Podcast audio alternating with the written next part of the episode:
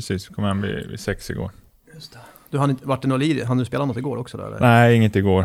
Men eh, lördags hann jag med. Ja, just det. Vi spelar nog fem runder i alla fall på, på den här veckan. Det känns nästan av i kroppen va? Till och med för dig eller? Ja, det gör det. I alla fall direkt efter rundan så känner man lite i fötterna och, Ja. och benen lite. Ja. Örebro,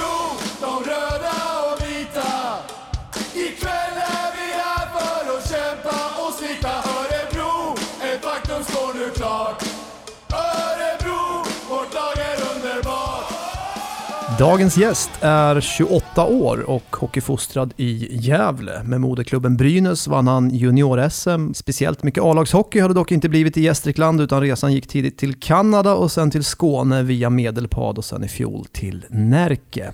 På vägen har han varit med och spelat upp Rögle i SHL och utsetts till årets rookie i SHL. Och så är han en i en exklusiv skara svenskar som faktiskt lyckats vara med om att vinna junior-VM i Kanada dessutom. Och det är inte det enda juniorlandslag som vår huvudperson har representerat. En gång ingick han även i juniorlandslaget i golf och hade mycket väl kunnat göra en karriär även inom denna ädla sport. Vi är dock glada att du valde hockey. Välkommen hit Ludvig Rensfeldt, forward i Örebro. Tack så jättemycket. Kul att vara här. Det här avsnittet eh, det sponsras av Camtech och eh, det har ju du lite speciell relation till. Du är ju nämligen sponsrad utav just Camtech. Ja, precis. Det stämmer. Vi har ju, alla spelare har en varsin, eh, varsin sponsor på, på bröstet på matchtröjan. Så att eh, Camtech och, och vdn där, Magnus, har haft en, en tät relation med hela förra säsongen och kom precis upp från en, en lunch där med honom nu Mm. också. Så att vi kör på ett år till. Så att, eh, nej, det, det är kul.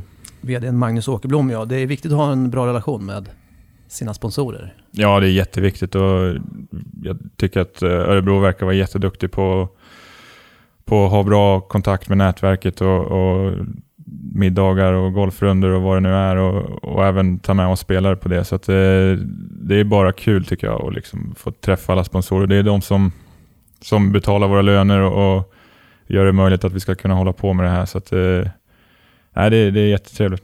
Mm. Välkomna hit, eh, även ni som lyssnar förstås. Eh, varmt välkomna. Per Johansson heter jag som har Ludvig Rensfeldt som dagens gäst. Mycket trevligt. Och jag nämnde ju där att du har varit med i juniorlandslaget i golf. Ska vi börja i den änden ändå? Det är ju lite intressant. Eh, hur nära var det att det skulle ha blivit golf för, för dig? Ja, det var, det var ett tag där så var det nog eh, hyfsat nära faktiskt. Eh, jag spelade mycket golf och jag höll väl på med de flesta sporter när jag var mindre, både tennis och fotboll och, och så. Men, men eh, spelade mycket golf från, från unga dagar och hela sommarloven var jag var ute på golfbanan. Så att eh, alltid spelat mycket golf men eh, ändå känt att, eh, att det är hockeyn jag vill hålla på med. Och det är ganska naturligt eh, när man bor i Gävle också. Det är, verkligen en hockeystad. Alla, alla killar som jag kände i alla fall spelade hockey. Så att, Mm. eh, men sen eh, ja, spelade, började tävla en del när jag var 12-13 där i golf och gick bra. Och sen ja, så lyckades vinna några tävlingar och som du nämnde innan fick eh, komma med i juniorlandslaget där en turnering också i, i Danmark. Så att, eh, ett tag var det ganska nära men sen eh, ja, så till slut så, så blev det hockey ändå. Det, Mm. Jag är glad för idag. Vad, vad började, vad kom först? Vad, hade du börjat spela hockey innan du började spela golf? Eller? Jo, men det tror jag nog. Jag hade i alla fall börjat liksom åka skridskor i sån Björnligan-nivå först. Men sen, eh, sen var jag nog fem sex tror jag när, jag, pappa tog med mig till, till golfbanan och, och började svinga. Så att eh, de två sporterna är väl de som har följts åt hela vägen egentligen. Mm. Vad var det som gjorde att du blev så pass bra som, som du ändå blev och är även fortsättningsvis i golf? Ja, det är svårt att säga det. Jag tror det bara handlar om att, att, att nöta. Det är mycket det det handlar om, att spela mycket golf och, och träna mycket som jag gjorde när jag var, när jag var yngre också. Sen eh, att ha något typ av bollsinne hjälper väl också kanske. Mm. För annars tänker jag, det, annars, det är ju vanligt så att, att många hockeyspelare börjar spela golf senare i karriären. Men du hade, för dig var det någon slags integration, alltså det var integrerat golf och hockey ganska Ja. långt upp i... Ja, precis. Nej, det är som du säger, det är, det är jättevanligt att hockeyspelare spelar golf och, och börjar i senare år, men, men eh, nej, det är ganska skönt att ha med det från, från yngre år. Att, eh, nej, men det, det, är, det är två sporter som är lätta att kombinera på det sättet också. Att det, golf kan man spela när man har, har tid och, och behöver egentligen bara en kompis med sig för, för att gå ut och spela en runda. Så att, eh, nej, det, är, det är väl två sporter som, som kombineras ofta och Mm. nej, men det är härligt. Just det, årstidsvis också. Det är Ja. sommartid, då har man mindre med hockeyn och, och sådär. Du, eh, finns det någon eh, för, alltså finns det några, om man håller i en klubba, det är ju naturligtvis en likhet. Men finns det några andra likheter? Jag tänker, det har ju också ofta gjorts eh, paralleller så att kan man spela hockey då kan man automatiskt bli bra på golf. Alltså jag tänker Happy Gilmore och sådana här filmer liksom, där man är Ja. ruggig på drive. Alltså, ser du dem, kan, kan man ha en fördel av, om när man är hockeyspelare, att spela golf?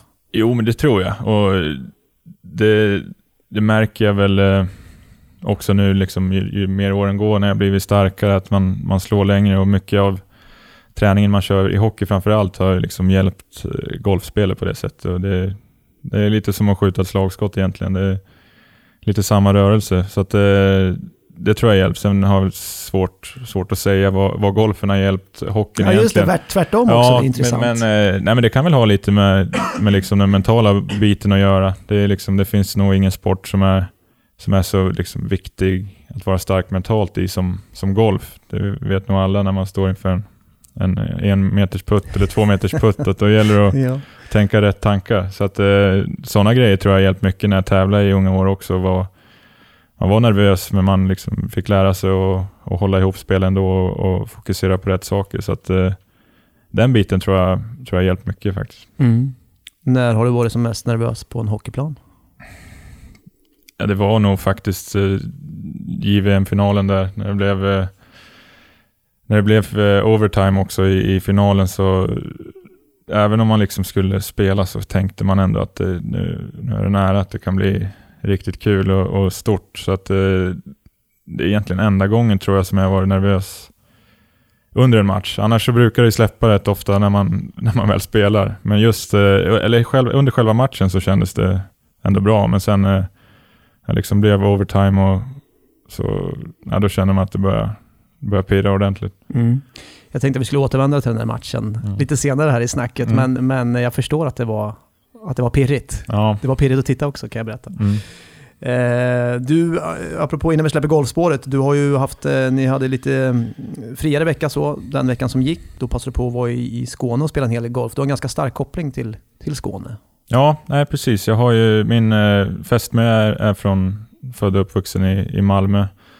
Och eh, jag träffade henne när jag spelade i Malmö och vi, vi bodde ihop i Malmö i två år och eh, sen i Helsingborg i, i fyra år. Så att, eh, att jag har ju bott i Skåne i sex år och, och stor del av mitt vuxna liv har jag ju varit där. Och, så att, nej, jag trivs jättebra och nu när man kan, när vi har det upplägget som vi har, att vi har egen vecka och tränar själv eh, var tredje vecka och så, så tänkte vi att nu, nu passar vi på att åka ner, åka ner också.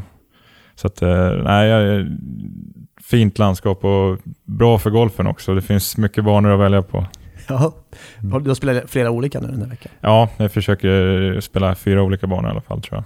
Mm. Så att, eh, det finns så himla mycket att välja på. Så att, eh, jag och, och svärfar där nere brukar, brukar åka runt och, och spela. Vilken är Skånes bästa golfbana om, man, om du vill tipsa någon som? Ja, jag skulle faktiskt säga den eh, Kristianstad GK östra banan där. Mhm. Den, eh, Östra banan. Östra banan. Jag Ja, skriver här. ja gör det. Eh, nej, den, har, den, den är otroligt fin. Den ligger i, i Åhus men heter ja, Kristianstad GK. Men den är, ja, den är väldigt fin. Sen finns det mycket banor. Det finns eh, Barsebäck som är en klassisk bana. Jättetrevlig också. Vasatorp som ligger i Helsingborg spelar jag mycket när vi, när vi bodde där också. En, en, en fin bana. Men det, nu när, när vintern har varit snäll, ja, i hela Sverige egentligen, men, men ännu, ännu snällare i Skåne så de flesta banor håller väldigt bra skick nu. Då vet ni det alla som lyssnar. Kristianstad GK är det som gäller om man vill ha riktigt, riktigt fin golf enligt Ludvig Rensfeldt. Men då är det väl, åker jag dit så kommer jag väl att ta västra då bara för. Ja, precis. Men- Mm. men Lite min- lättare att få tider på den tror jag. Det kanske är så. Ja, Ja, det Mm. kanske skiljer i pris också. ja det gör det nog. Här kommer veckans 10 snabba. Vem är den bästa spelaren du spelat med? Oh, eh, Gabriel Landeskog får jag säga. Vem är den bästa du spelat mot? Tyler Seguin säger jag då. Mm. Tyler Seguin. Mm. Vad var, vad var hans, eller vad är hans Nej, alltså redan då när vi möttes när vi var 17-18 där så var han komplett spelare. Liksom. Bra på, på det mesta, men framförallt mm, bra på att göra bra, mycket grejer i fart. Och, ja. Nej, han, är, han var otroligt duktig. En spelare du gärna skulle ha velat möta? Jag skulle gärna mött Crosby och få se han på nära håll och, och, och se, se hur han agerar på isen. Det hade varit häftigt. Det är inte för sent. Nej, precis. Ni spelar fortfarande båda två? Ja, det är sant. Det är sant. Ja. Men du är lite imponerad av Crosby? Ja, jo men det är jag. Alltså sättet han rör sig på och de, de grejer han gör på isen är häftigt. Nämn en egenskap du uppskattar hos dig själv. Som spelare då? Nej, som människa. Eh, jag skulle väl säga att jag är ganska empatisk och medmänsklig på det sättet. Att jag försöker bry mig om andra. Och en egenskap som du uppskattar hos andra? Eh, generositet skulle jag säga då. Det är, Ett vitt begrepp. ja, men lite att liksom våga Våga även både bjuda på sig själv men även inte liksom Ja, det, är- det är väl mer liksom att snåla människor har jag svårt för. Och det, det har liksom ingenting med, med om man har mycket pengar att göra eller inte, utan bara Jag tycker att det, det är en ful egenskap bara, som, som, som vissa har. Och jag gillar när man kan, kan bjuda på sig själv och även liksom eh, Ja, men bara, bara ta hand om sin omgivning på ett sätt. Det Mm. tycker jag. Och då blir du glad. Min nästa fråga är, vad gör dig riktigt glad? Riktigt glad. Det ja, det är när min son är glad. Så blir jag glad. När han ler mot mig så det, det gör mig riktigt glad. Han är inte ens ett halvår. Fyll. Nej, precis. Om en vecka tror jag han fyller sex månader precis. Då blir det lite sex månaders kalas. Ja, vi får ha lite kalas hemma. Ja. Vad heter han? Nino heter han. Nino. Det ska vi också prata mer om en stund, men det här är ju snabba frågor, så Ja. jag går vidare här Yes. nu. Vad gör dig riktigt arg? Eh, nej, men det är väl som jag sa med snåla människor och även orättvisor tror jag. Som eh, brukar få mig att, att koka upp ordentligt. Och de som känner mig vet att jag inte, det är sällan jag blir riktigt arg. Men, men eh, orättvisor och eh, folk som blir behandlade illa skulle jag säga. Du har en lång stubin, men när det väl smäller så Ja, då smäller det precis. Så, så kan man säga. bra. Och då blir du riktigt arg och då har du en favoritsvordom kanske? Ja. Ska man säga den här? Alltså? Ja, det är klart. Vad är min favoritsvordom? Jag tror helvete är nog den jag använder mest faktiskt. Den, brukar, den ligger bra i min mun faktiskt, tyvärr. Men den, eh, den eh, kommer rätt ofta. Ja. Även på golfbanan? Ja, oftast då. Oftast på golfbanan. Senaste film eller serie du såg? Eh, senaste serie, det var nog Last Dance med Bulls, eh, eran där med, med Jordan. Just det. Så nej, den var väldigt bra tyckte jag. Mm. Och uppskatta. Men eh, annars är jag inte mycket av en serie filmkille Nej. på det sättet faktiskt. Men, eh, men lite mer dokumentäraktigt sådär så kan jag uppskatta det mer faktiskt. Just det. Vilka typer av dokumentärer? Ja, men allt möjligt. Jag tycker om eh, liksom sådana true crime med, med mord och sånt. Eh, intressant. Och eh, även sportdokumentärer. Jag är väl i, i grunden en, en sportnörd så att eh, ju mer sport eh, desto bättre att kolla på tycker jag. Om du gillar crime, hur mycket har du följt Palmeutredningen och den senaste vändningen eller turen där? Nej, jag har väl eh, läst det som har stått. Sen har jag väl inte varit någon liksom fantast just med... Det finns, det finns många sådana i det här landet som, som eh, verkligen har, har grottat ner sig i det mordet. Men eh, jag är väl inte en av dem. Men jag har väl, eh, har väl läst eh, vad som har stått och, och förstått hur, vilket antiklimax det blev med, med presskonferensen som, som var där. Så att, eh, ja, det var en liten, en liten miss från dem kanske. Alla lyssnare, ni behöver inte bli oroliga. Vi ska inte gå igenom Palmeutredningen. Nej. Vi har inte riktigt den tiden känner vi. Eh, sista snabba frågan. Det skulle jag ha gjort om jag inte var hockeyspelare.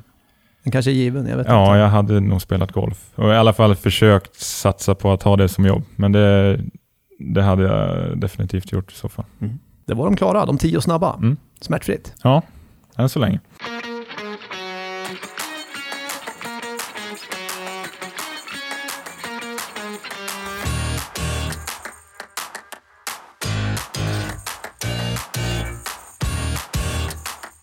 Fostrad alltså i Brynäs och uppvuxen i Gävle som vi nämnde här tidigare. Hockeystaden Gävle kan man verkligen säga med sina tunga traditioner och många SM-guld.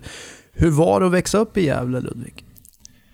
Ja, det, det är liksom svårt att svara på, men eftersom jag inte vet något annat, men, eh, eller visste något annat i alla fall när jag, när jag växte upp där. Men det var ju väldigt mycket hockey och som sagt, jag har moderklubb Brynäs och, och ja, var väl och kollade egentligen på nästan alla matcher som, som A-laget spelade också, de jag, de jag kunde i alla fall. Och Mm. Det är verkligen en, en stad där, där allt kretsar kring hockeyn. Att, eh, hur det går för Brynäs är det man snackar om, i, om det var i, i skolan eller, eller vart man än gick så var det mycket snack om Brynäs och, och vad som borde, borde, göra, borde göras bättre och hela den biten. Men eh, det var ju, har jag förstått i efterhand, ändå liksom en häftig, ett häftigt ställe att växa upp på just när man har det hockeyintresse själv och får hålla på med hockey och sen komma upp i, i, i juniorleden i, i liksom sin moderklubb och, och favoritklubb och få, få representera Brynäs på,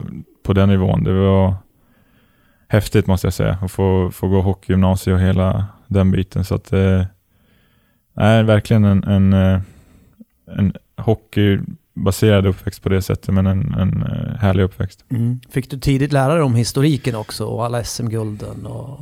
Jo, nej men det, det fick man absolut och man hade ju koll att det var bara Djurgården som hade fler och att vi ska komma ikapp dem och, och den biten. Men eh, nej, men det, det har man alltid, alltid fått höra att den här, den här klubben har, varit, har vunnit mycket och många legendarer som har spelat här. Så, att, eh, så var det definitivt. Mm. Du var ju definitivt för liten för att kanske komma ihåg guldet 93 då med, med smurfkedjan och allt vad det var. Men minns du Mm. 99? 99 minns jag bra faktiskt. Jag kommer Mm. ihåg eh, Bisset. och- Bisset och, och Molin och, och Jos och, och Janne Larsson där. Det, nej, men det minns jag och, och den vändningen som, som de gjorde i fjärde matchen eh, i Galverinken. där. 6-5 matchen. Ja. Precis. Så att, Den är eh, ruggig den. ja, det var, det var häftigt. Och, Var du på plats? Nej, jag var inte det. Jag kommer, Ja. ihåg, att, jag kommer ihåg hur jag satt i soffan med, med pappa och, och brorsan och kollade och trodde inte det var sant. Mm. Så att, eh, nej, det, det var häftigt och liksom det första minnet jag har av, av Brynäs A-lag på det sättet. Och, och det kan ju absolut ha hjälpt till att jag blev mer intresserad av hockey och mer eh, liksom, sugen på att syssla med det på, på Mm. heltid. När det, man får ett sånt minne direkt när man är, är sju år gammal. Och jag menar, det var ju, eh, Brynäs var ganska kraftiga underdogs. Det var ju Sedinan och Weinhandel som Mm. bara skulle ta hem det där SM-guldet. Och Pelle Bäckman vrålade att det här tar vi hem hemma, men då hade han inte räknat med Ove Molin där som, Nej, exakt. som kom fri mot öppen kasse. Ja, nej, det, var, det var ju mycket som gjorde det, just med att, som du säger, att Brynäs var, var underdogs och alla trodde Mm. att Modo skulle vinna enkelt. Så, så nej, det, var, det var väldigt häftigt. Sån är hockeyn ibland. Så är hockeyn.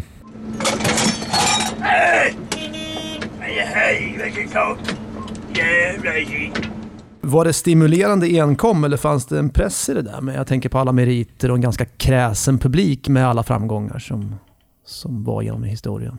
Ja, nej, men det, det tror jag absolut. Och jag har inte spelat så mycket i, i A-laget. Jag var ju fortfarande ung då och kände Mm. väl inte av någon... Man kanske känner även, sipprar ner även på juniorer. Jo, men, ja, men, det, nej, men det kan man göra faktiskt. Att det, det var alltid liksom, Brynäs ska vara vid toppen och vi hade ju väldigt bra årskullar just där i, juniorleden när, när jag spelade där, så det gick ju bra för oss. Men eh, det, de har ju ambition om att hela tiden vara en, en eh, klubb som är i toppen och det gäller ju allting liksom, på det sättet. Så det, det är klart att det, det är en press att spela där och det har jag väl märkt mer nu när jag kommer bort därifrån också att det är, det är inte alltid lätt att spela i Brynäs. Det, det blåser mycket och, och när det går lite tyngre så är det, det är många röster som, som höjs där.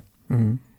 Du utmärkte dig tidigt som junior också. Du var ju ganska alltså, framåt i utveckling. Du var stor och stark ganska tidigt och, och, och sådär. Och, och du öste verkligen in poäng. Jag tror du gjorde 50 poäng någon superelitsäsong. Då var du underårig dessutom va? Den säsongen du gjorde Ja, 50 pinnar. ja, precis. Jag hade ett, det året var ett eh, riktigt bra år och hade, hade bra, gick bra i, i U18-landslaget det året också. Så det, det var väl det året framförallt som jag verkligen fick min, min utveckling och, och tog eh, mitt spel till, till nästa nivå och kände väl att nu, nu, nu kan det bli bra ändå. För Mm. att eh, innan det så är det svårt att, svårt att veta. Det finns, fanns så många bra i, i min årskull och, och så. så att, eh, men just det året så kände jag att jag tog ett, verkligen ett steg då när jag var 17-18 det året. Mm.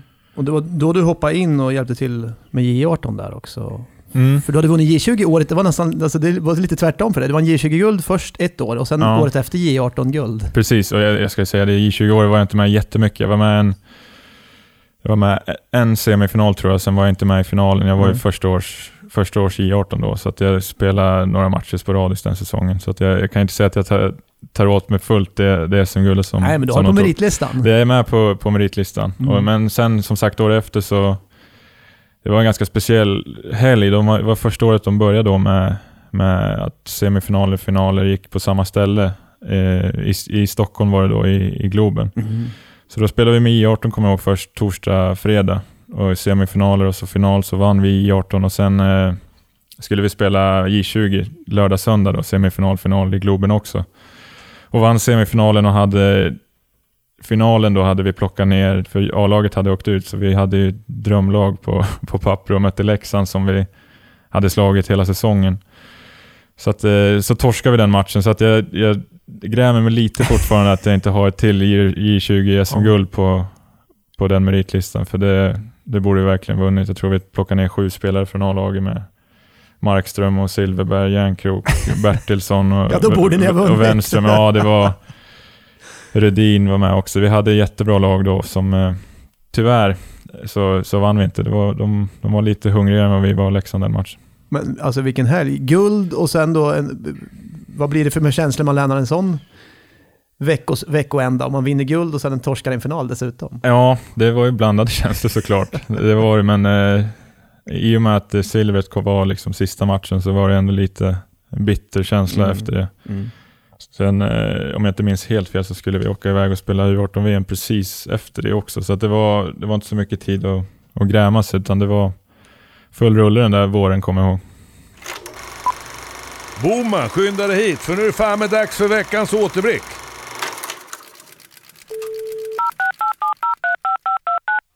Tjena Ludde, det här är Lille Slövblom det här. Din gamla J18-tränare från Gävle. Hoppas allting är bra med dig. Eh, jag har pratat lite med Perra här om dig lite när du var yngre och så vidare. Eh, Kommer ihåg att du slog igenom. Vi var ju den första kullen i Brynäs som vann junior-SM, J18-SM 2010. Och då var du högst delaktig. Jag kommer ihåg att vi var och spelade en cup i Mora, FM Mattsson Cup. Och när Johan Larsson och du kom in så sa jag till min gamla vapendragare Peter Svensson att det är nästan löjligt det här. Det ser ut som när ryssarna var som bäst, så överlägsen var nu. Jag vet att det går bra för Örebro. Tycker det är jättekul att följa dig. Och eh, kör hårt. Vet att du aldrig ger upp. Att du har ett gott hockeyhjärta, bra arbetskapacitet, bra attityd. Det är dina styrkor tycker jag. Har alltid varit. Många har gnällt på skridskoåkningen, men samma sak där. Det går ganska fort när du väl får upp farten. Nej, men jag har lite frågor till dig också som jag vill. När kommer du hem och spelar? Det skulle vara jättekul att se dig i Monitor Arena igen och eh, hoppas du kommer dit en dag för det är du värd för att spela lite på mamma och pappas gata. Sköt om det, kör hårt. Bra, hej. Lars Lillis Lövblom. Ja, nej, det var kul att höra. Det var...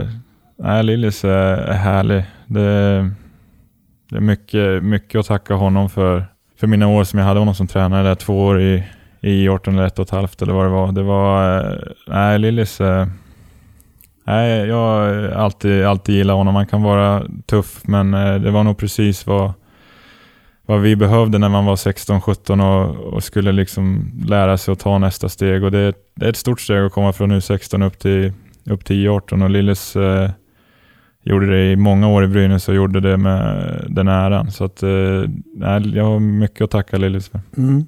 Han ställer kanske en lite känslig fråga för alla Örebro-fans där på slutet. Jag tänkte Mm. vi kan återkomma till den. Jag, Ja. jag tror att jag förstår vad han menar. Han, jag, för att när jag pratade med Lilly så, så var han lite grann inne på att han tyckte att du aldrig kanske riktigt fick chansen i Brynäs. Men det kan vi också återkomma till. Så att, eh, för alla förstår ju att du har fullt fokus på Örebro givetvis. Eh, så inte något mer med den saken. Men eh, om vi ändå ska hålla kvar, kvar lite grann kring Lillis då och juniortiden så, så vad minns du om det där med du, du och Johan Larsson? Ni var ju två, ni var ju väl, alltså ni var ju långt fram i utvecklingen tidigt som sagt var. Ni var riktiga pjäser. Ni kom, kommer du ihåg den där turneringen han. Ja, pratar om? När, när ni glider in den på... bra. Ja, nej, jag kommer ihåg den bra. Det gick väldigt bra den turneringen för oss. Vi hade en, eh, en första, första kedja där som... eh, Ja, det allt funkade egentligen. Mm. Och ja, vi lyckades, eh, jag tror vi vann, vann finalen ganska, jag tror vi vann turneringen ganska lätt alla matcher egentligen. Det var, det var en sån turnering när allt funkade och vi vann den kuppen i Mora när det var lag från hela Sverige med där från, Mm. i 18-året. Så att, eh, nej, det, var, det var en väldigt eh, kul turnering och, och var roligt. Och just för mig och Johan framförallt så funkar det mesta i den turneringen. Så att, eh, det var kul att höra Lillis, så att han kom ihåg det också. Ja, han var ju, ni var ju som mackare och, och, och grabbarna tyckte han. Ja, det är väl lite att ta i, men det... det CCCP. ja, nej, men det, jag kommer ihåg den. Det var, det var en häftig Men- turnering. Vem var tredje länken? Felix Eriksson hette han. Han Just var det. också väldigt, eh, väldigt duktig som ung och var med i juniorlandslaget Just U16 U17. Och, så att vi, vi eh, jag vet inte hur mycket mål vi gjorde i den turneringen, men det kändes som att det var en hel del i alla fall. Han har slutat. Ja, jag tror det om man inte spelar på, på lägre nivå Ja, i. Gävle. Det har jag ingen koll på faktiskt. Nej. Men du, eh, du var ju själv lite grann inne på det också. Det var ju, alltså, de tidiga 90-talskullarna var ju ingen lek alltså i Brynäs juniorer. Vi har Markström och Silverberg, Järnkrok, Johan Larsson, du själv och, och många, många fler. Du nämnde ytterligare några namn där också. Riktigt, riktigt häftigt men säkert ganska tufft också. Alltså jag tänker mig att, att komma just i den perioden. Ja. Måste, för, för att göra sig ett namn bland dem då så... Det är klart att det, det var tufft och framförallt när man skulle ta steget upp i A-laget sen så var det, ju- det var ju många på kö och mycket konkurrens mellan oss som hade spelat ihop i, i många år. Och som du nämner med, med, ja, med Silverberg, Järnkrok och, och Redin och Wenström, de, var ju, de är äldre än mig allihopa så det, var ju, det var ju många som precis hade kommit upp och som skulle liksom lära sig att spela SHL-hockey. Så att det, de kunde ju inte skicka upp eh, åtta stycken heller. Det, det är lite tufft för, för juniorer fortfarande. Så att det, det är klart, det var mycket konkurrens och, och inte så gott om platser för, för juniorer. Men eh, samtidigt så var det en härlig miljö och vi alla bra kompisar och, och spårade varandra till att bli bättre. Både i, på isen och, och om det var i gymmet eller i, i spåret. Så att det var... Jag skulle inte vilja byta mot något annat. Men det, det är klart att det var tufft när man, eh, när man kände att man ville få chansen i A-laget och kanske, kanske var några som var, som var före i kön helt enkelt. Lillis nämnde skridskoåkningen där. Var det någonting, eller någonting du har fått kämpa med? Ja, det har väl varit så hela min karriär egentligen. Att jag har varit, varit stor och, och bra skott och hyfsad på, på det mesta andra, men framförallt eh, ja, men första skären. Och, så det har jag jobbat med i ja, det är 15 år nu snart som jag, som jag försöker och, och jag fattar väl att det aldrig kommer bli någon, någon bromé där ute, men, men eh, jag jobbar hela tiden och, och fortfarande med att få lite snabbare fötter och lite, Mm. ja, lite, lite kvickare helt enkelt. Så att, eh, det kommer jag inte sluta med förrän jag slutar spela hockey. Det, det går alltid att förbättra. Ja, vad kan man göra på barmark eller utanför is för att få upp? Finns det någonting man kan öva på och göra för att... Ja, men det, det finns mycket. Det, det är ju spänst, snabbhet och explosivitet som man... Det finns massvis med grejer i, i gymmet eller hoppa, köra så jättekorta sprinter på cykel för att få, få upp eh, explosiviteten och frivändningar och sånt för att få explosivitet i, i höfter och, och så. Så att det, det finns massvis att göra. Så att det, det jobbar vi på, bland annat nu på somrarna. Mm. För det var intressant, för när Lillis då, din gamla juniortränare från, från Brynäs-tiden, eh, när jag pratade med honom om dig så sa han också att du är, du är ett A-barn. Du har varit ett A-barn, alltså att du har alltid liksom varit liksom först på träningar, aldrig gnällt, alltid liksom eh, så. Är du en, en, är du en väldigt dedikerad person så?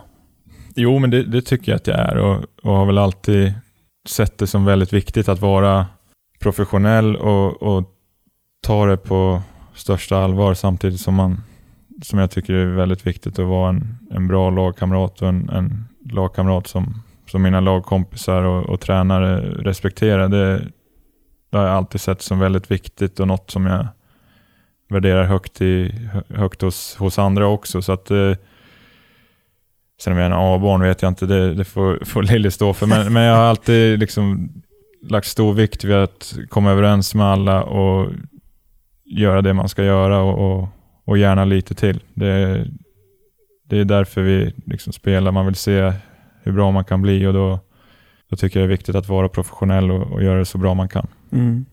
Vi pratade lite grann om, om juniortiden och att ni var många då ombudet som skulle slå er in i, i A-laget. Det blev bara 16 matcher då, din första A-lagssäsong där i, där i Brynäs. Eh, sen blev du utlånad till Bofors och så vart det då säsongen efter så stack du över till Kanada. Och Ontario Hockey League va? OHL. Mm. Stämmer. Sa Sarnia Sting, det är Chicagos... Nej, det är, Nej. det är, de är självstående, de, är självstående. de, mm. de juniorlagen. Så att, eh, det var väl, jag hade ju blivit draftad av Chicago då och, och ville testa och spela juniorhockey. Och, så de hjälpte mig väl lite med att hitta ett lag där jag skulle passa in bra och få spela med bra spelare och, mm. och den biten. Så det, eh, det blev Sarnia till slut och det var häftigt och, och lärorikt år på, på många sätt verkligen. Mm. Ja, berätta lite mer. Det gick ju bra för dig dessutom. Du gjorde över 20 mål va? Ja, nej men det var ja, helt okej okay, skulle jag säga. Jag hade väl lite högre förväntningar. Det, det, var, det var mycket som var nytt i, i början. Det är mindre rink och lära sig liksom snacka engelska på heltid. Jag hade ingen annan svensk i laget och, och flytta hemifrån för första gången och mm. andra sidan Atlanten direkt. Så att det, det var mycket nytt och, och mycket att lära sig. Och var det tufft? Det, det var ganska tufft. Jag hade en del hemlängtan framförallt på, på hösten där när jag, när jag kom dit. Att det var kämpigt och tränaren skällde och, och, och så. Liksom. så att det, Den nordamerikanska stilen Ja, också. nej, så var det verkligen. Men eh, nu, när man, eller även i slutet av säsongen, så blev det bättre. Jag, jag trivdes ändå bra och lärde mig otroligt mycket under det året. Och det är inget som jag skulle vilja ha, ha ogjort eller, eller bytt mot något annat nu, men det, det, det var tufft ett tag, men eh, väldigt kul också. Ja, och så dessutom så petade du in ett rätt kul JVM den säsongen. Så det, det lyfter väl upp en del kan jag tänka mig. Vilket klassiskt lag som du var med i där och vilken klassisk turnering. Jag tittade lite grann på, på det lagbygget. 5000 NHL-matcher och ungefär 3000 SHL-matcher har spelarna från det laget skramlat ihop till nu, till mm. dags dato. Det är hyggligt. Ja, det är häftigt alltså. Och framförallt med tanke på att eh, inför den turneringen så var det alltid snack om att 92-kullen är, är lite sämre än de som har varit innan. Att, eh, från 88, 89, 90, 91 var ju de starkaste kullarna sades det. Och vi kom till JVM och hade våra två största stjärnor, Gabriel Landeskog och Adam Larsson, var ju, spelade redan i NHL, så de, de var inte tillgängliga. Och det var väl mycket snack om att vi, vi saknade spets, men eh, kollar man på det nu så är det väldigt många som har lyckats i, i det laget. Så det, det är härligt att se och på något sätt så har man ett band till de killarna när man var med och, och vann någonting så stort tillsammans. Så det, det är häftigt att se många göra bra ifrån sig i, i NHL nu och, och, när man träffar, träffar på folk eller snackar på sociala medier och så, så är det, det är ändå ett minne som som vi alltid kommer ha. Så det är väldigt glad att jag fick eh, vara med om det. Mm. Vad var din roll i, i laget? Jag spelade en tredje kedja hela turneringen egentligen med Erik Torell och med Jocke Nordström. Så skulle ha, ja, vi, vi var väl egentligen en mer def-lina på det sättet att vi skulle jobba hårt och spe, försöka spendera så mycket tid som möjligt i anfallszon och hålla i pucken och, och så. Men eh, spelade lite powerplay i början av turneringen också i, där och, och ja, det, det var en, vi hade en härlig mix och det, vi hade väl egentligen inga roller. Vi hade en fjärde kedja med, med Viktor Rask och Filip Forsberg och, och så. Så det var ju liksom, det var ingen fjärde kedja heller på det sättet. Så att, nej, och det var 90, Forsberg 94 också? Ja, precis. Han var ju mm. två år yngre. Så att, eh, nej, vi hade ett, ett, ett härligt lag och, och väldigt bra människor i det laget. Så det var lite så när, man, när vi träffades och samlades innan att det här, det här kan, eh, kan bli riktigt bra. Mm. Du var ju själv inne på att det var din nervösaste stund hittills som hockeyspelare i Ludvig Rensfeldt. Den där sadden som kommer mot Ryssland. Och jag tänker att det finns ju ändå några sådana här eh, klassiska, är man, är man sportnörd som undertecknad är också så finns det några så här där man vet exakt vart man befann sig, även som åskådare, som tittare. Så, eh, för mig, VM 94 när Ravelli räddar straffen, vet jag exakt Mm. vart jag var. OS-gulden i Lillehammer, Salt Lake, eller Salt Lake, det var det kaos. Mm. Eh, I Turin var det ju, Ja. som ni bygger, det vet jag också exakt. Och här kommer jag ihåg, där satt jag på ett sjavigt hotell i Mölndal och Ja. såg den här sadden mitt i natten då, svensk tid. Eh, först är det Johan Gustafsson gör en grym räddning i, i den där sadden. va? Jag tror att det är precis i slutsekunderna av Ja, ordinarie just tid. det. Ordinarie tid, ja. Ja, Så tar han någon, gör han en galen Ja, räddning. helt otroligt. Så att ni Ja. får, får gå in i sadden, Exakt. trots allt. Och Ja. så kommer Mika Zibanejad. I slutsekunderna av sadden, va? Det var ganska Ja, det var, snart. inte, det var inte så långt kvar innan, innan det var dags för straffar. Ja. Men eh, nej, som sagt, eh, jag minns vart jag var. Jag satt på bänken och, och kollade när, när Mika kom igenom där. Så att, eh, nej, otroligt minne. Och sen, sen svartnade jag och sen minns jag inte vad som hände efter det. Men nej, väldigt... Eh, nej, det, det, det tar jag fram ibland och, och tänker på det där, den där stunden och det, liksom det, den sammanhållningen vi hade i det laget. Så det är häftigt.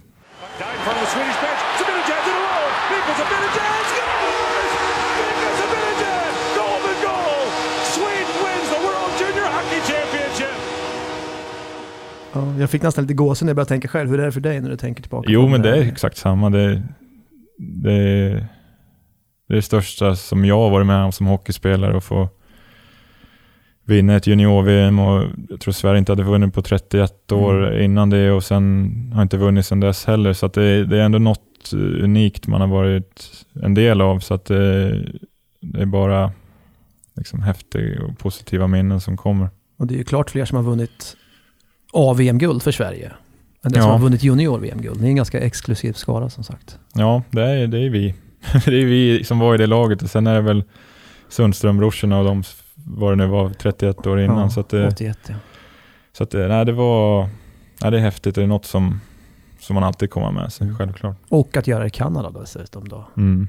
Ja, det var, det var häftigt och vi var i Kanada men i finalen där så kändes det som att vi hade hemmaplan till och med. Mm. För att eh, kanadensarna hejade på oss mot, mot ryssarna där i finalen. Så det var eh, otrolig stämning där på, på läktaren i Calgary. Så att det var nej, otroligt. Ganska skönt att komma hem till Sarnia. Ja, det var Sting det. efter... Ja, jag nämnde ju det att det var lite tufft på hösten och att det var lite lättare på våren och det har Mm. nog mycket att göra med, med vad som hände i, i mellandagarna där och få, få komma tillbaka med, med ett helt eh, nyladdat batteri och, och självförtroende så, så gick det mycket bättre sen efter, efter JVM också. Perspektiv pojkar, perspektiv. Du, berätta nu, så det blir ju en säsong då i OHL. Den, det, det, samma säsong som du även bärgade det här JVM-guldet tillsammans med det här häftiga klassiska laget. Sen vänder du hem till Sverige då efter, efter en säsong. Hur gick tankarna där? Det blir ju inte Brynäs då, som kanske en del hade trott eller förväntat sig. Du, du vänder till Malmö och Allsvenskan. Hur, Mm. hur kom det sig? Eh, nej, men det var väl lite, lite både och beroende på vad jag kände att jag behövde i, i min karriär och få spela mycket och få verkligen ja, men så mycket istid och utvecklas. Och samtidigt som eh, Brynäs inte hade något, något jätteintresse heller tror jag.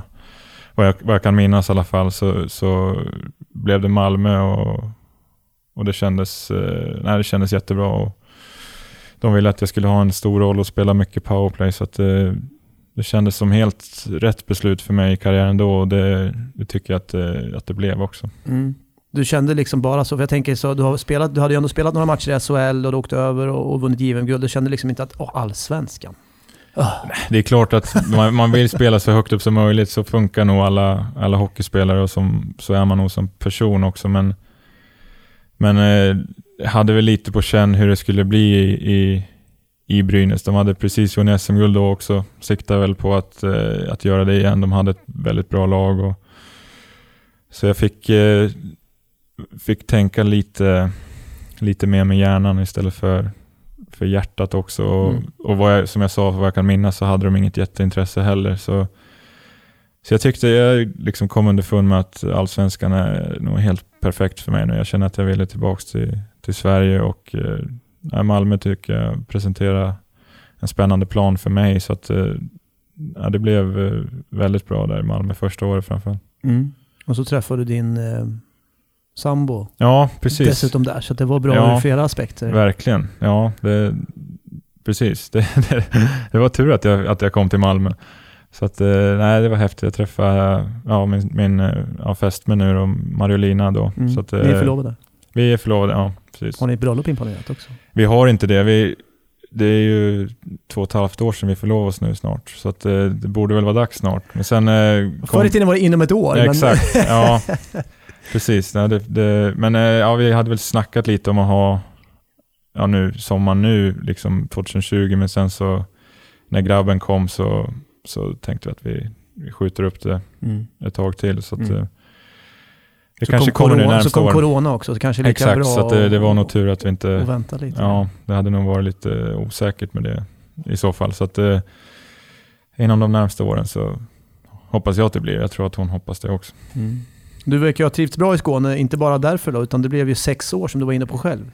Mm. Först två i Malmö och sen fyra väldigt fina år i, i, i Rögle då, där du är med och spelar upp laget eh, Eh, direkt. Eh, vad hände där i Rögle? Hur var det att komma dit från Malmötiden? Det kändes som att där tar det ju verkligen fart för Ludvig Rensfeldt. Ja, ja, verkligen. Det var ju, det var ju ganska liksom, kritisk, ska jag inte säga, men det var en ganska tung period. Jag hade andra året i Malmö där och kände att jag liksom stagnerade lite i min utveckling. Och sen ringde Masken som eh, jag kände lite sen innan också från, från Gävle som, som ringde och sa att han ville ha mig till Rögle. Mm. Och eh, det kändes som en, eh, en bra lösning.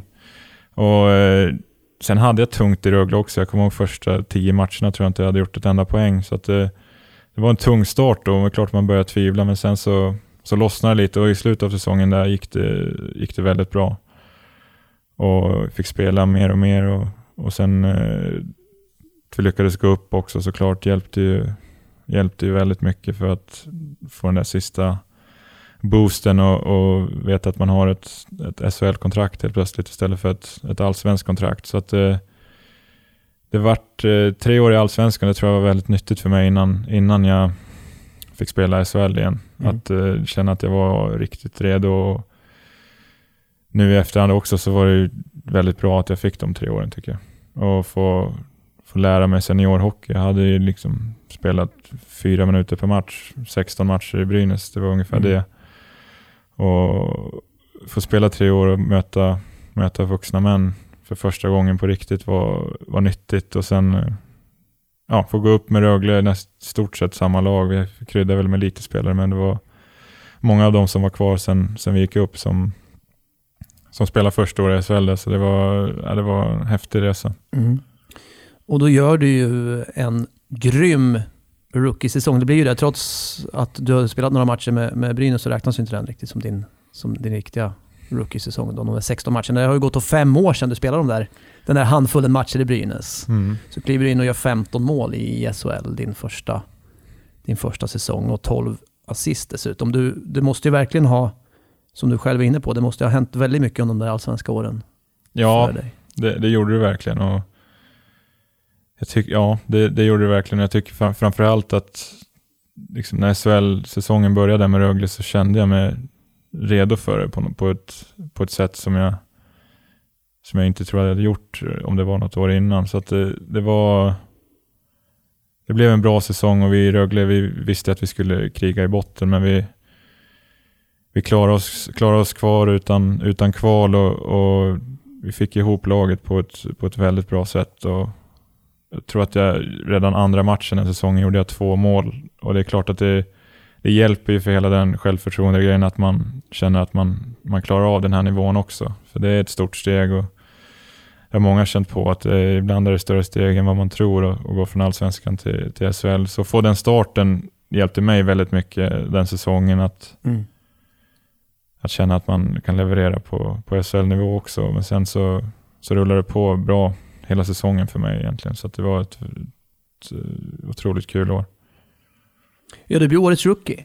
Ja, det blev så. Som du sa med statistiken, jag tror jag hade precis marginalerna på min sida. Jag var, i, var 25, 24 år då, så jag var precis under gränsen för att vara rookie och dessutom hade jag spelat precis under antal matcher i SHL innan. Så att det var, hade lite flyt att jag, att jag kom in under kategorin där. Men eh, nej, det var jättekul att få, få det priset som jag tror både spelare och tränare och eh, journalister hade, hade röstat på. Så att, Mm. eh, ja, det var ett fint kvitto på att man hade gjort en bra säsong.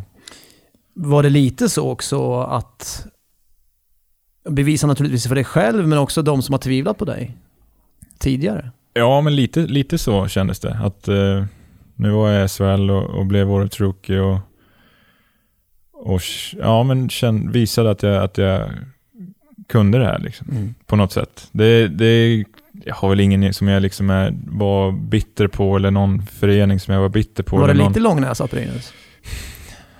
Ja, det kanske var det.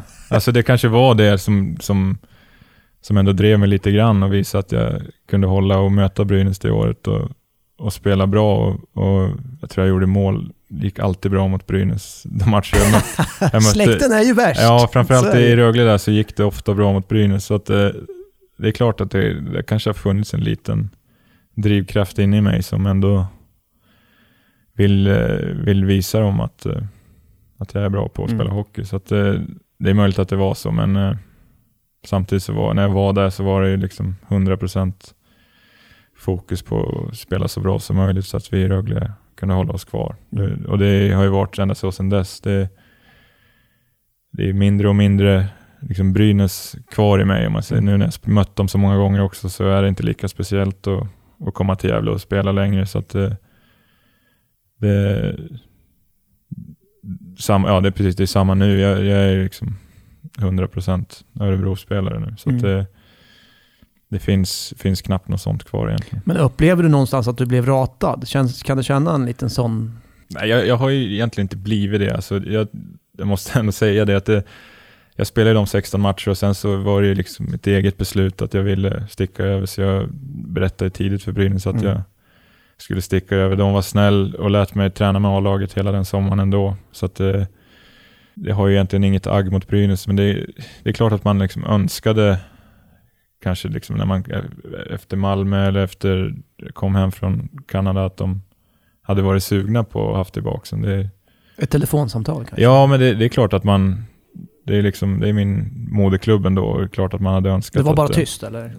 Ja, som jag minns det, det var väl något år som de var lite intresserade men ändå inte tillräckligt vad jag fattar det som för att Mm. liksom lägga upp konkreta bud på bordet. Så att, eh, och även efter Rögleåren när det hade gått bra så var det, så var det ganska tyst. Och det, det, är, det är, jag förväntar mig inte att man ska ge några tjänster för att jag har Brynäs moderklubb och har spelat i juniorlaget där, utan det, så funkar den här verksamheten. Så att det, jag håller ingenting emot Brynäs idag och jag är glad för att det har blivit att jag fått den, den resa jag haft än så länge i SHL och hoppas den kan fortsätta länge till. Mm. Vi kommer då till, till den här lite delikata, känsliga frågan som Lars Lillis Lövblom ändå ställ, ställde. Eller han, han undrar om det inte var dags att på sikt flytta hem. Och det förstår jag att det kommer du säga att det är det ju inte alls. För du är ju Örebro-spelare och fullt fokus på det. Men om jag, om jag säger så här då, har Brynäs bränt sina broar? Eller skulle det någon gång långt i framtiden ändå, skulle det vara aktuellt för dig överhuvudtaget? Eller liksom, du skulle, vill du aldrig spela för Brynäs? Nej, jag har, jag har ju aldrig sagt att jag aldrig vill spela för Brynäs, men det har jag inte sagt om något lag. liksom det känns som det, man vet aldrig vad som händer i den här branschen. Det enda jag kan säga är att, att jag trivs jättebra i Örebro och eh, hoppas spela här i, i många år till.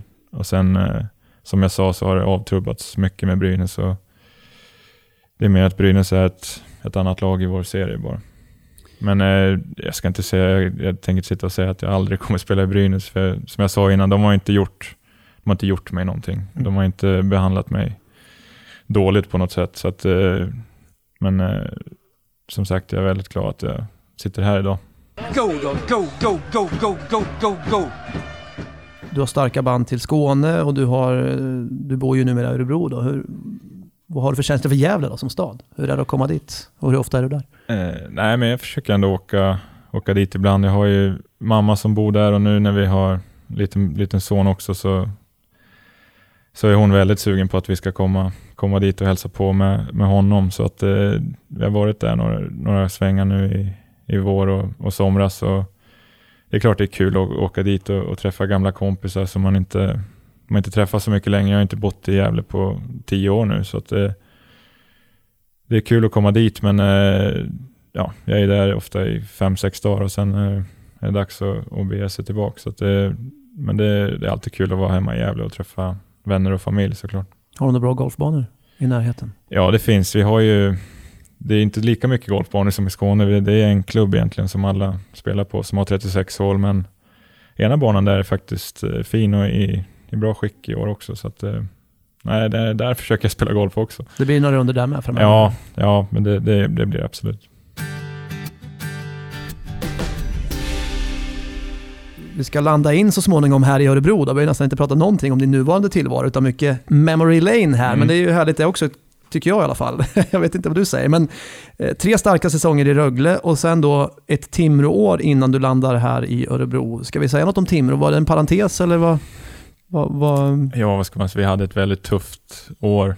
Vi visste att det skulle bli tufft, men det, det var kämpigt att och få åka ut på det sättet i en sjunde avgörande match hemma var tufft. Det, det, det är väl det jag kan säga egentligen. Det var, Mm. det var mycket som, eh, som inte blev som vi ville där och även om jag hade ett, hade ett roligt år på ett konstigt sätt så var det att vi hade en, en skön lagsammanhållning fast det var mycket förluster och, och deppigt emellanåt så, så är det ändå ett år. Det är många vänner som jag fortfarande pratar med som jag spelade med då. Så att, men det var väldigt tufft att åka ur SHL, liksom få testa på och göra det på den sidan också. Den man har- resan också. Ja, exakt. Så att det, det var kämpigt, men eh, samtidigt så, så hade vi inte gjort det så hade jag inte kommit till Örebro redan Mm. förra året. Jag hade ett år kvar på kontraktet med, med Timrå, så att eh, det blev väldigt bra ändå för mig tycker jag. Ja. Berätta hur det gick till när du hamnade i ÖHK. Ja, det var lite fram och tillbaka. Jag gick och väntade ett tag efter, efter säsongen där det stod klart att jag var kontraktslös igen. Då. Och ja, mycket samtal med agenten vad som, vad som fanns och vad som inte fanns och, och den biten. Men kändes som Örebro var, var sugna och de som, som ville ha mig mest, om man säger så. Och även som jag kände att jag ville spela i av de lagen som var var väldigt intresserade. Så att det, pratade med både Niklas Johansson och Niklas Eriksson innan jag, innan jag skrev på och fick höra lite vad de hade för bild av mig och vad, hur de ville använda mig. Och det, nej, jag tycker att det, det kändes bra och väldigt glad att jag tog det steget. Mm. Fick ju en lite annan roll då jämfört med Rögle-tiden, säsongen som gick här, men kanske lite mer defensivt ansvar och så. Var det någonting ni pratade om redan när du skulle komma hit till Örebro? Att det kanske inte blir målkungen, målsprutan Ludvig Rensfeldt som skriver på för Örebro? Ja, nej men det, det var det faktiskt. Niklas Eriksson eh, berättade hur han, hur han såg mig och att jag kommer få, få ta mycket ansvar i, i boxplay och, och en lite mer till, tillbakadragen roll så. Och sen är det upp till mig egentligen hur, hur mycket liksom powerplay jag ska spela och hela den biten. Så att, eh, det, det, det var han väldigt tydlig med och, och jag kände väl, såg, eller såg det väl som en, en härlig utmaning också att kunna vara med och bidra på det sättet också. Jag tycker att det var en, en häftig säsong på det sättet. Att jag kände att jag var känna sig viktig men inte alltid viktig genom att göra två mål som jag lite så som jag hade känt i Rögle att det var därför jag, som jag var där. Men att få ta ett, ett ansvar och även lite mer ansvar liksom på sidan om och blivit lite äldre och vi hade ganska ungt lag ändå förra året. Så att, eh, jag tyckte det var ett väldigt lärorikt år och ett, eh, som du säger, nytt för mig spelmässigt. eh, Men eh, ett kul år. Och sen, eh, Just på grund av din roll eller, eller sp- spelsättet också? Nej, men framförallt på grund av rollen och även att eh, vara ett mer framgångsrikt lag. Vi hade det tufft tre år i Rögle och väldigt tufft i, i Timrå. Så att, eh, det var väldigt kul att få stå på, på vinnande sidan fler gånger och, och känna att man är med och bidrar till det. Det var, var väldigt häftigt. Sen är det klart att jag, jag hade också önskat att jag gjorde 15 mål förra året också. Så Mm. eh, men det känner jag, det är, det är upp till mig. Det, det finns liksom inga låsta platser i, känns det som i, i, i laget. Det gjorde det inte förra året i alla fall. Så Mm. det, det är upp till, till var och en att ta chansen när man får den och, och visa sig från sin bästa sida också. Så så kommer jag nog få, få mer offensiva minuter också. Men eh, jag är nöjd med den rollen jag har, men eh, ser gärna att jag, att jag på egen hand tar en, en mer offensivt ansvar om man säger så. Mm. Och skapar mer lägen. Har ni redan hunnit prata någonting om rollfördelning? Och så nu kanske laget är inte, kanske inte 100% satt heller. Liksom. Det kanske kommer in ytterligare någon spelare här. Men, men har ni hunnit börja prata lite om? Nej, inte just så i och med att Nej. vi inte vet liksom vilket, vilka typer av spelare vi kommer ha att starta säsongen med. Men det var väl, vi hade snack efter när det var klart att säsongen vart, tog slut. Förra året så snackade vi med alla tränare, hade möte och lite vad de såg på mig säsongen som var och lite vad de hoppades på nästa år och vad, jag, vad de tycker jag ska utveckla och sånt. Så att det, det är väl ungefär det jag sa nu, att det är upp till mig att, att ta nästa steg offensivt som jag, som jag vet att jag har i mig och det är det jag, som jag verkligen vill göra nu. Mm.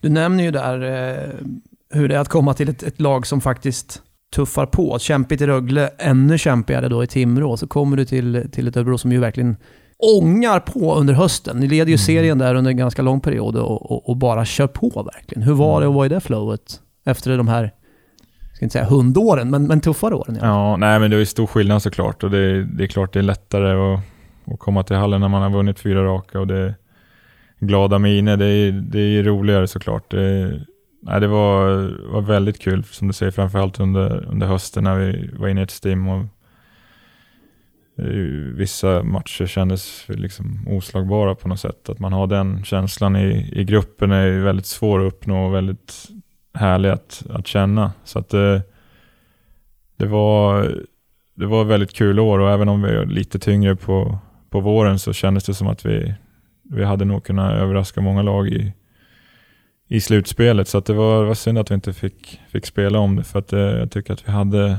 vi hade ett lag som hade kunnat gått väldigt långt. Mm. Om du jämför hockeystäderna Gävle och Örebro, vi pratar ju om den tu- tunga traditionen i Gävle och det här nästan oket som till och med ni juniorspelare kunde känna på, på era axlar. Det här har vi ju en stad som är, har haft tunga fotbollstraditioner och, och nu ett hockeylag som verkligen blomstrar. Hur upplevde du hockeyn, om du ska jämföra så med, med liksom hockeystäderna Örebro och Gävle? Ja, nej men jag tycker att det är väldigt olika men också lika. För att det, det känns i Örebro som att det verkligen är liksom en hockeyanda när säsongen är igång och det är många som, som är intresserade och tycker att det är kul när, när det går bra för oss och, och, då, och så. Men eh, skillnaden är väl att det är alltid positivt här känns som. Det är klart att det var ett Till skillnad mot Gävle Ja, men det, det är liksom, där, där hittar de ofta fel när, även när det går bra. Och, jag. Kunna vunnit med större marginal. ja, exakt. Och det finns mycket, mycket gubbar där som, som tyckte det var bättre förr. Hoppsan, vad händer här nu då? Nu får vi nog öppna upp munnen lite till. Släpp ut det där. Men eh, ja, än så länge... Menar det- du det? Finns de Ja, gubbarna de, alltså? de finns. De finns många av. Men... Jag börjar Eh, bli en sån själv jag. ja, nej men det är härlig liksom, härlig supporterkultur här och alla känns det som tycker bara att det är, liksom, det är roligt att gå på matcherna och, och det stödet vi har i arenan varje match är, är fantastiskt också. Så att det, det är som jag sa, det är lika på grund av, eller på det sättet att eh, det är många som bryr sig om hockey och många som tycker att det är kul att följa oss. Men det, det är lite, lite positivare tongångar. Mm. Hösten som vi var inne på var ju eh, glimrande hockeymässigt för Örebro. Serieledning och, och, och vann ju stor respekt också på kanske ett nytt sätt för Örebro. Även om man har varit nu ganska många säsonger i SHL så här, kanske är säsongen man verkligen visade, satte avtryck så att man är med och kan slåss i toppen. Så mitt i den här perioden då så, så drabbas ju du av en fruktansvärd tragedi. Eh, du får beskedet att din pappa har, har gått bort i november. Mm. Ja, precis. Det var, jag tror vi mötte Malmö hemma den matchen, en lördag kommer jag ihåg. Och eh, hade storebror här på besök som bor i, i Stockholm. Skulle vara här och kolla matchen och ja, bo hos oss under, över helgen då. Och så, ja, det, jag, jag minns inte. Jag kommer ihåg att jag gick ut från hallen bara och skulle möta brorsan och, och, och tjejen då utanför arenan och sen eh, så står mamma där med, med tårar i ögonen. Liksom det, det är en bild som, som sitter kvar. Den, den är, jag tror inte ens det är någon idé att försöka liksom radera bort den. För jag, redan när jag ser henne så fattar jag vad det är. Att eh, nu är det något, nu är det något med pappa. Och, och ja. Så hon går fram och, och, bara säger att pappa, pappa har lämnat oss. Liksom. Och då, ja, det är svårt att, att beskriva liksom hur, jag tror jag var liksom i chock i två dagar på raken egentligen och inte riktigt förstod det på något sätt att, eh, att han inte fanns längre. För det kom, han hade ju varit väldigt, väldigt dålig i två och ett halvt år, gick in i väggen kraftigt och, och ja, led av liksom jobbig depression och ångest och, och allt, allt vad det heter. Och då då hade jag ännu inte sett det värsta, allt det som mamma, mamma hade sett. Och, men det var, det var inte bra sista åren. Men man hoppades alltid att det skulle komma den dagen när, när det blev bättre. Han testade massa olika mediciner och, och det blev inte bättre. Men man hoppades att det skulle komma en dag när, när pappa ringde och sa att han mådde bra. Mm. Och så kom liksom motsatsen och sa att, eh, när mamma sa att eh, nu är han, är han borta. Liksom. Mm. Så på ett sätt så, så jag tror inte vi förstod riktigt hur, hur dåligt han mådde.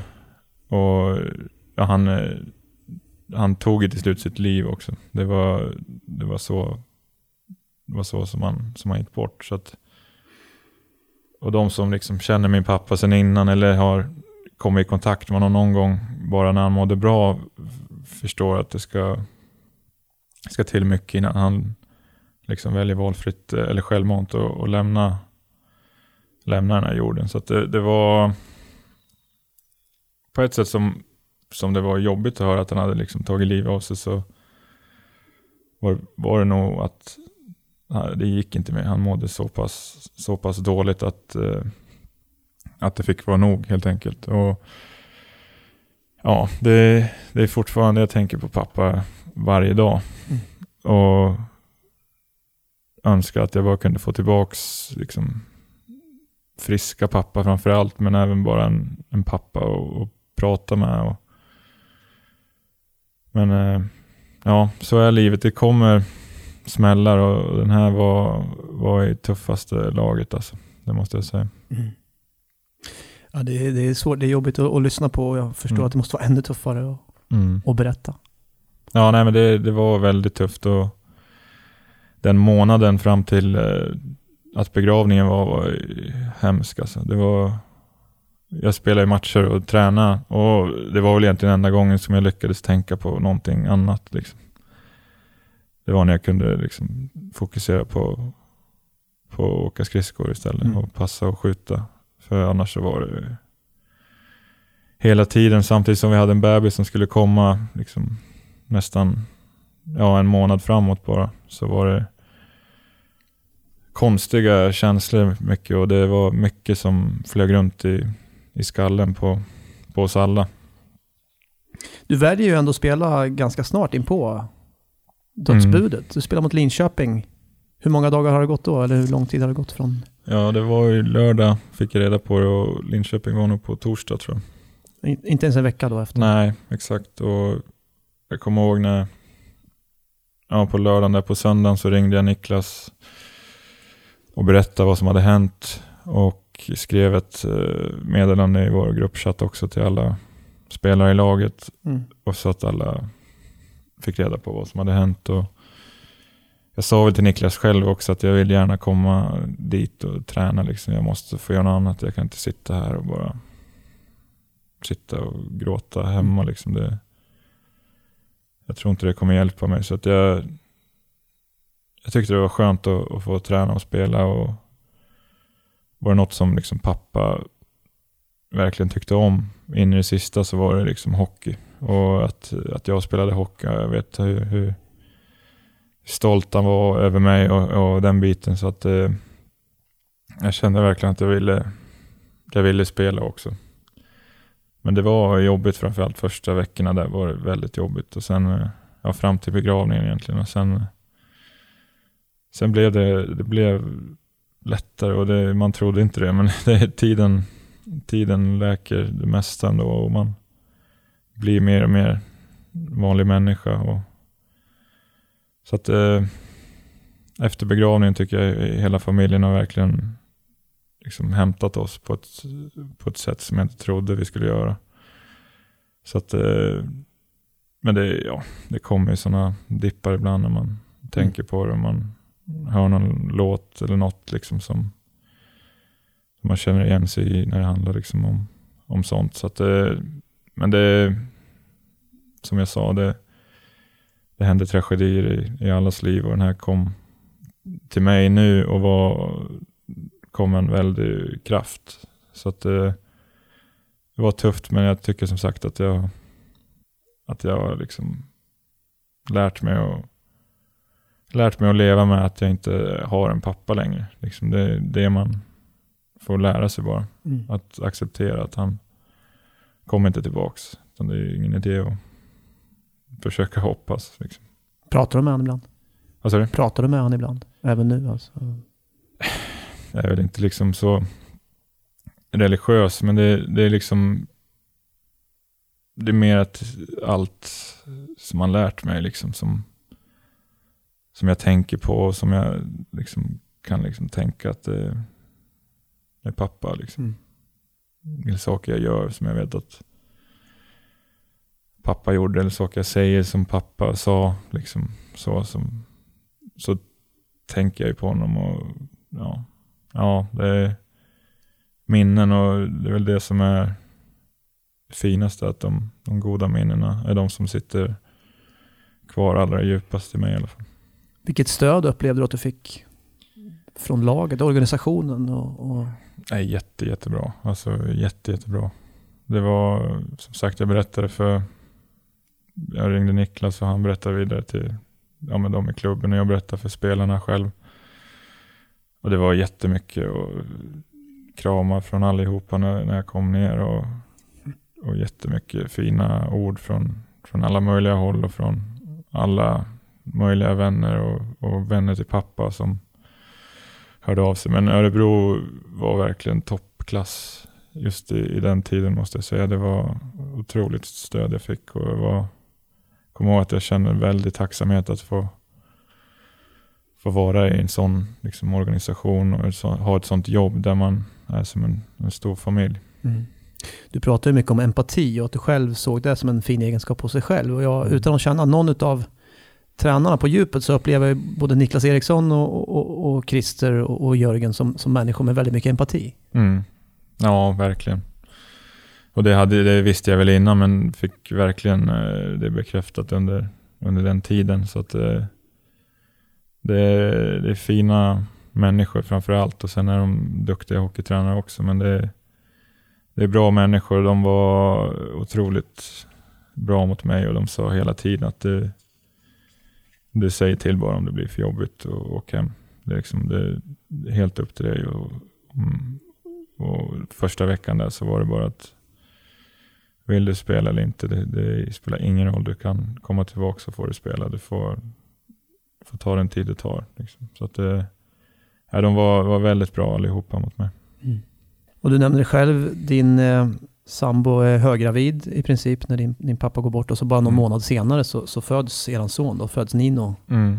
Och det här milsvida känslospannet som uppstår då, alltså det Ja. måste ju vara, det måste vara svårt att greppa, måste så, för, för man kan ju inte styra känslorna. Jag vet ju själv från när min dotter föddes, då rinner ju tårarna automatiskt. Ja, ja, ja, det var... Nej, det var, som jag sa, det var väldigt konstigt alltså. Från att gå från total sorg till total lycka och sen tänka på båda samtidigt var, var speciellt. Så att eh, men äh, Nino har, har hjälpt mig och, och mamma och brorsan väldigt mycket tror jag. Och, och kunna fokusera på att det, det kommer en ny nu. Samtidigt som man hela tiden har med i bakhuvudet liksom hur, hur gärna pappa ville bli, bli farfar och att han inte hann träffa honom är något som alltid kommer kännas lite tungt ändå. Så, så det är lite på två sätt, men eh, på det stora hela så har ju Nino verkligen fått oss att, att tänka på andra saker och, och blöjor och, och sånt istället. Så att, Ja. så att eh, nej, han har, han har verkligen kommit och, och lyst upp och även om, som jag sa, att inte pappa han träffa honom så, så kom han verkligen i, i rätt tid för att vi skulle kunna få något annat, något glatt att tänka på istället. Mm. Hur trivs du i papparollen?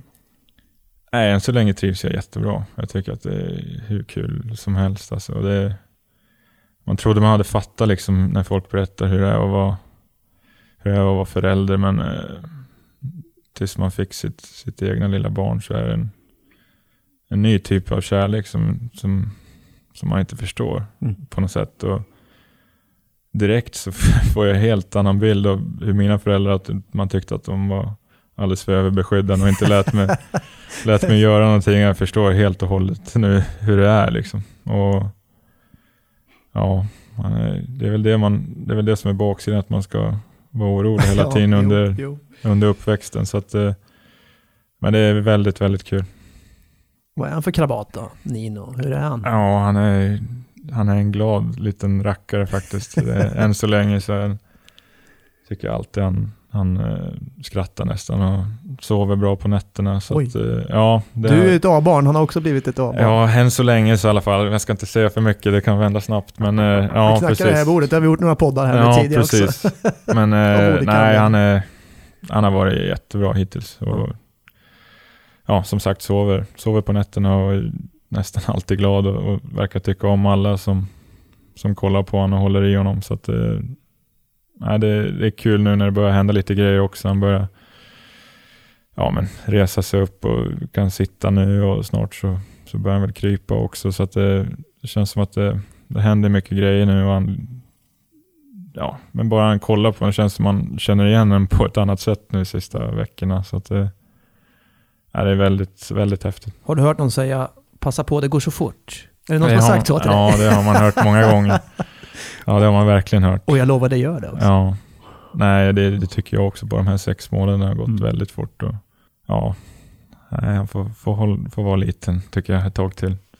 Vad har du lärt dig av din pappa som du kommer att lära Nino eller som du kommer att...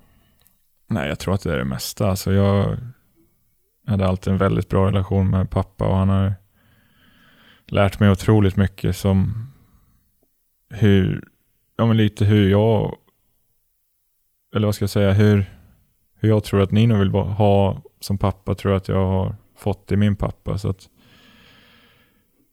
det är allt möjligt, men det är, han var alltid väldigt, väldigt kärleksfull pappa och, och berättade liksom att hela tiden att eh, hur mycket han, han älskade mig och, och brorsan. Och det är samma där, det trodde jag alla hade, men det har man liksom förstått att det är inte alla som får, får sån kärlek hemma i, i uppväxten. Och jag hade en väldigt liksom, problemfri uppväxt och kärleksfull. Så att eh, det är något som jag verkligen vill eh, föra vidare till Nino och få låta honom känna den tryggheten som, som jag kände.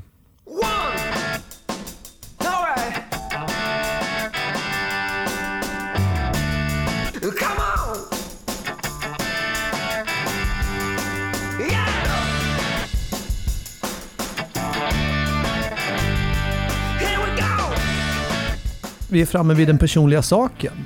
Ja, har vi någon sån? vi har, ju, vi har ju pratat nu och när jag väl tänkte lite på det så, så blir det en bild på, en liten mix blir det, men det är framförallt en bild på, på min, eh, på lille Nino. Mm. Vad härligt När att få se han honom eh, också. kollar upp på mig. Jag, jag, har faktiskt, jag sitter i golfkläder så jag har precis svårt att spela golf och kommer hem. Så Ja. att, eh, du får kolla på den där. Ja, vad läckert. En svartvit bild här. Ja, precis. Den är väl några veckor gammal, men den är, Mm.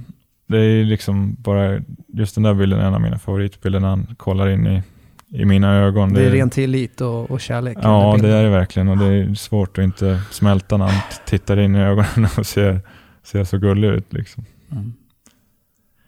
Så att det får bli, det är, liksom, det är det mitt liv handlar om mycket nu och, och det som betyder absolut mest för mig tillsammans med, med min fästmö lille Nino. Så att eh, det är min personliga grej och det är mitt, ja, det som betyder mest för mig.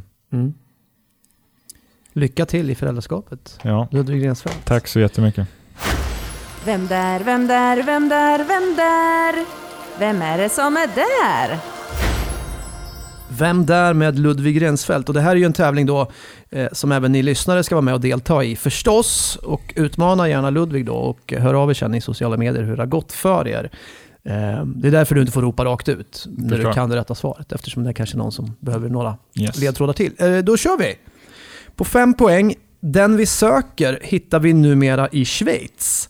Era vägar var dock nära att korsas en gång i tiden, men ett Nordamerika-äventyr kom emellan. Du, du, du, du, du, du, du.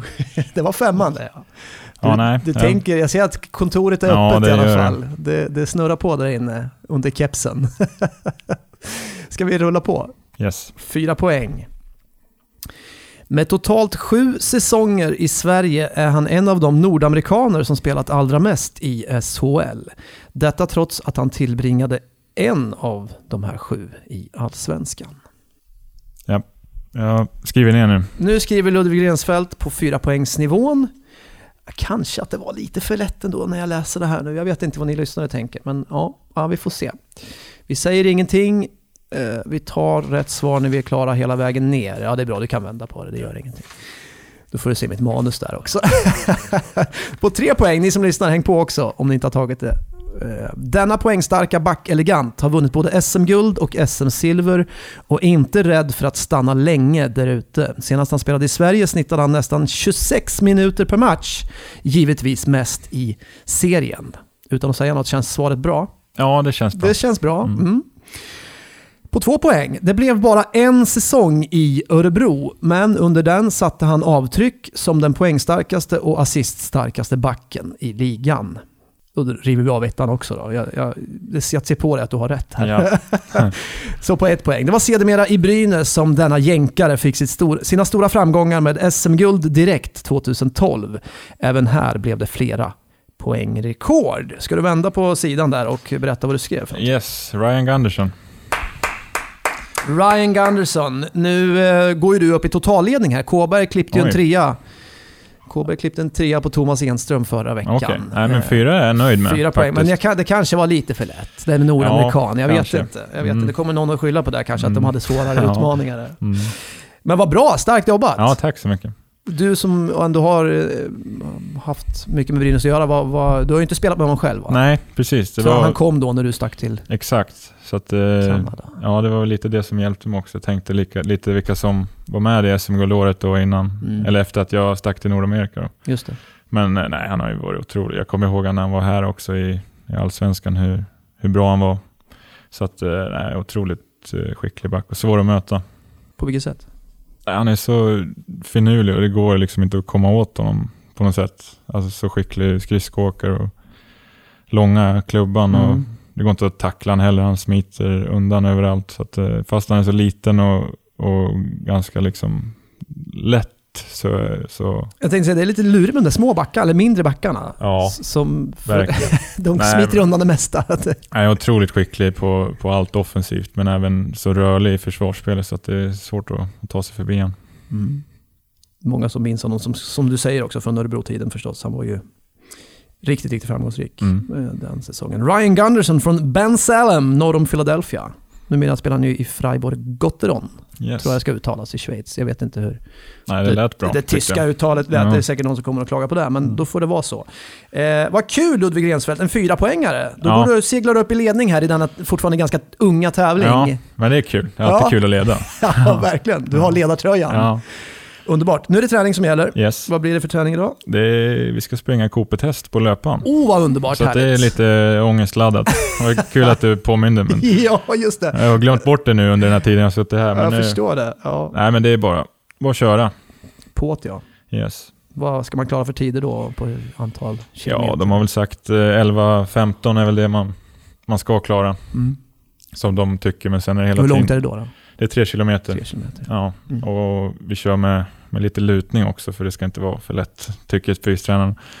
Men eh, nej, det, det är också att eh, man ska förbättra sig varje gång och man, man ska utvecklas så. Så att, eh, vi har gjort, eh, vissa har gjort det två gånger och vissa har gjort det en och, Och vissa har inte gjort det, det beror på lite vilka som springer och, och så. Mm. Men eh, nej, det är inte så kul, men det ska göras också. Lika bra att riva av den där nu. Absolut. Ja. Då önskar jag lycka till med det, Ludvig Rensfeldt, och förstås med säsongen när den kommer igång så småningom också. Tack så Och allting jättemycket. annat som är på gång. Det har varit jättekul att ha det här. Stort, stort tack för att du tog dig tid. Tack själv, det var jätte, jättetrevligt. Ludvig Rensfeldt. Och tack alla ni som har lyssnat. Hör av er till oss på sociala medier. Det är bara att söka upp oss där så eh, kan ni till exempel skryta med hur bra ni är i Vem Där-tävlingen. Är ni på Luddes nivå eller kanske snäppet bättre till och med? Ni kanske kläckte den på femman. Hör gärna av er där. Det här är ju Örebro Hockeys podcast. Jag heter Perra Johansson och den här podden produceras av Peraspectra Produktion för eh, Örebro Hockey i samarbete med Örebro Hockey. Stort tack hörni för att ni har lyssnat. Vi hörs snart igen. Hej hej!